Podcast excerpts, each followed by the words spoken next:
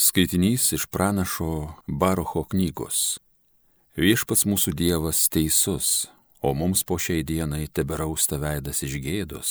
Mums judo žmonėms ir Jeruzalės gyventojams, mūsų karaliams ir pranašams, bei mūsų tėvams, nes mes nusidėjome viešpačiui, nebuvome jam paklusnus. Neklausime viešpaties mūsų Dievo balso, nevykdėme įsakymų, kuriuos mums viešpats davė Nuo tos dienos, kurią mūsų protėvis išvedė viešpats iš Egipto, iki pat šiol mes nebuvome klusnus viešpačiui, mūsų Dievui. Mes susispyrę neklausėme jo balso. Todėl mus persekioja bėdos ir tas prakeikimas, kurio per savo tarną Mozę viešpats grasino anadien, kai mūsų protėvis vedė iš Egipto, įdant atiduotų mums šią šalį, plūstančią pienu ir medum. Ir taip tebėra po šiai dienai. Neklausime viešpaties mūsų Dievo balso, skambėjusiose visose kalbose pranašų, kuriuos jis mums siuntė. Kiekvienas iš mūsų sekė savo netyro širdies troškimais. Tarnavome svetimiems dievams, darydami tai, kas viešpaties mūsų Dievo akims nepatinka. Tai Dievo žodis.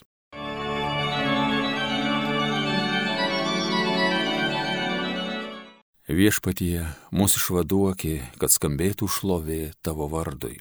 O Dieve, į tavo paveldą pagonys atėjo, sumaitojo tavo šventovę, sugriovė Jeruzalės miestą, mėtė lavonus tavo tarnų, lest dangaus paukščiams, žemės žvėrims draskyti kūnus tavo ištikimųjų. Viešpatie, mūsų išvaduoki, kad skambėtų šlovė tavo vardui. Jų krauja kaip vandenį aplink Jeruzalę liejo ir nebuvo kam juos palaidot. Niekino mus mūsų kaimynai, tie, kur aplink mus gyvena, tyčiojas, juokės. Viešpatie, koliai tai bus, ar rūstausi amžiais, ar vis kaip ugnis degs tavo nuožmumas. Viešpatie, mūsų išvaduoki, kad skambėtų šlovė tavo vardui. Mums neminėk mūsų senolių kaltybių, skubiai gailestingai mūsų prikelti, nes mes tapome visiški skurdžiai. Viešpatie, mūsų išvaduoki, kad skambėtų šlovė tavo vardui. Mūsų gelbėtojau Dieve, padėk mums, garbė bus tavo vardui. Mūsų išvaduoki, atleiski mūsų kaltybės, kad skambėtų šlovė tavo vardui. Viešpatie, mūsų išvaduoki, kad skambėtų šlovė tavo vardui. Alleluja.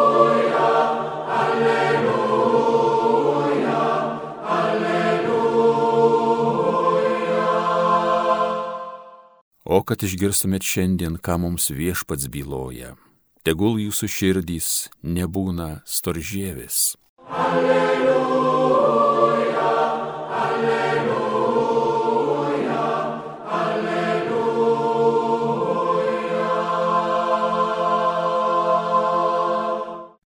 Iš Evangelijos pagal Luką. Vargas tau Horazinė, vargas tau Betsaida Jeigu Tyre ir Sidone būtų padaryta stebuklų, kokie padaryti pas jūs, jie seniai būtų atsivertę ir atgailoję su ašutinė ir pelenuose. Todėl Tyrui ir Sidonui teisme bus lengviau negu jums. Ir tu, Kafarnaume, negi būsi išaukštintas iki dangaus, tu nugarmėsi iki pragaro Kas jūsų klauso, manęs klauso, kas jūs niekina, mane niekina, o kas niekina mane, niekina tą, kuris yra mane siuntęs.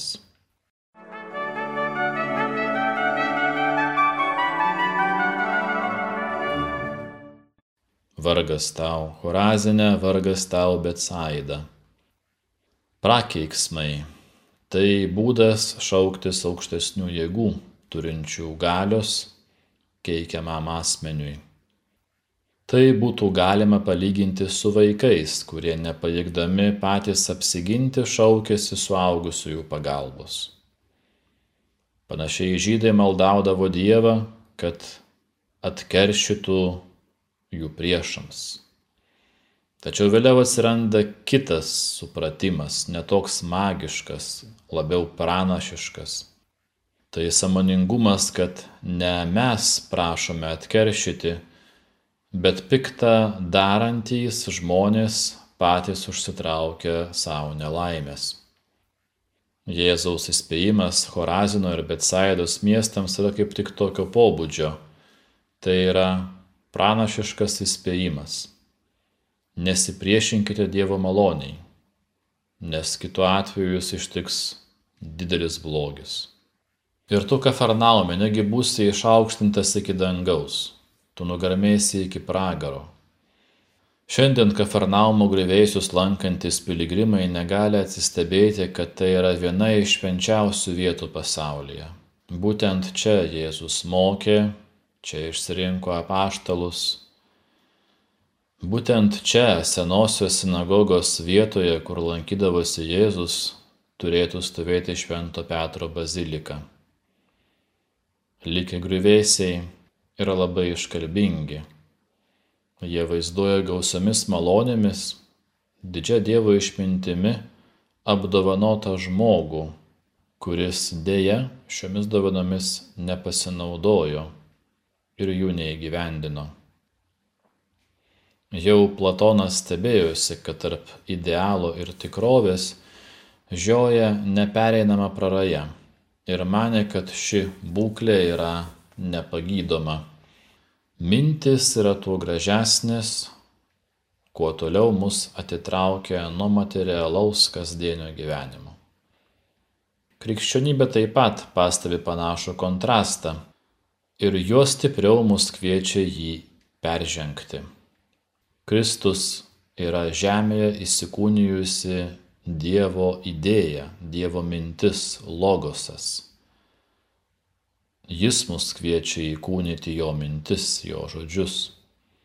Jėzaus žodžiai ir mintis mums yra duotos tam, kad mes kurtume tokį pasaulį, kuris nevirstų Jėzaus skelbtos karalystės griuvėsiais.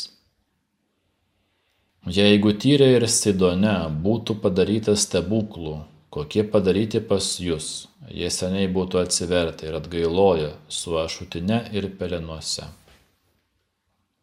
Jei kokiam nors gerosios valios žmogui, nevaikštančiam į bažnyčią, pasitaikytų išgirsti, išklausyti nuostabų pamokslą, veikiausiai jis liktų sužavėtas ir galbūt iškalbingais skelbiamas žodis, kurį jis išgirdo, jį kažkiek paveiktų.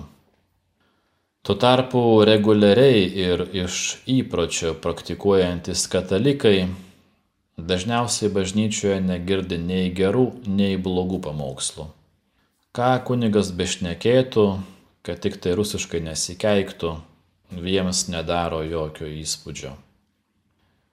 Įpročiai kasdienime gyvenime yra reikalingi ir naudingi Jie yra reikalingi tam, kad įprastinius veiksmus galėtume atlikti greitai, tiksliai, beveik mechaniškai, per daug nesusimastydami ties tuo, ką darome.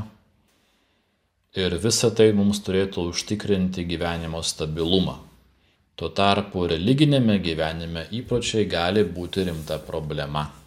Pavyzdžiui, iki pandemijos mes džiaugiamės lyginai pilnomis bažnyčiomis kadangi vyravo daugelio katalikų pamaldus įprotis sekmadienį eiti į bažnyčią ir nešti aukas. Karantinas šį įprotį sutrikdė, jo vietoje atsirado naujas įprotis - mišios fotelėje per Facebooką, per televiziją, per radiją. Kunigams tai jau nelabai patinka, kadangi ženkliai sumažėjo aukos. Nors iš tiesų nerimą turėtų kelti įpročio katalikybė, kuris su evangeliniu tikėjimu nelabai ką turi bendra. Evangelija mus kviečia nuolatiniam atsivertimui, o atsivertimas iš įpročio nevyksta. Atsivertimas yra laisvu, kiekvieną kartą atnaujinamu pasirinkimu. Ir kaip mes tokiu atveju turėtume elgtis? Esame įpratę eiti į bažnyčią arba dalyvauti pamaldose per nuotolį, kalbėti maldas, atlikti pamaldžius gestus. Mes turėtume susimastyti ties tuo, ką darome, ką šnekame. Tai reiškia pagalvoti apie mūsų veiksmų priežastį ir tikslą, kurio link jie mus turėtų vesti. Galbūt tokiu būdu kiekvieną dieną mūsų girdimas Dievo žodis bus gyvas ir neš vaisių.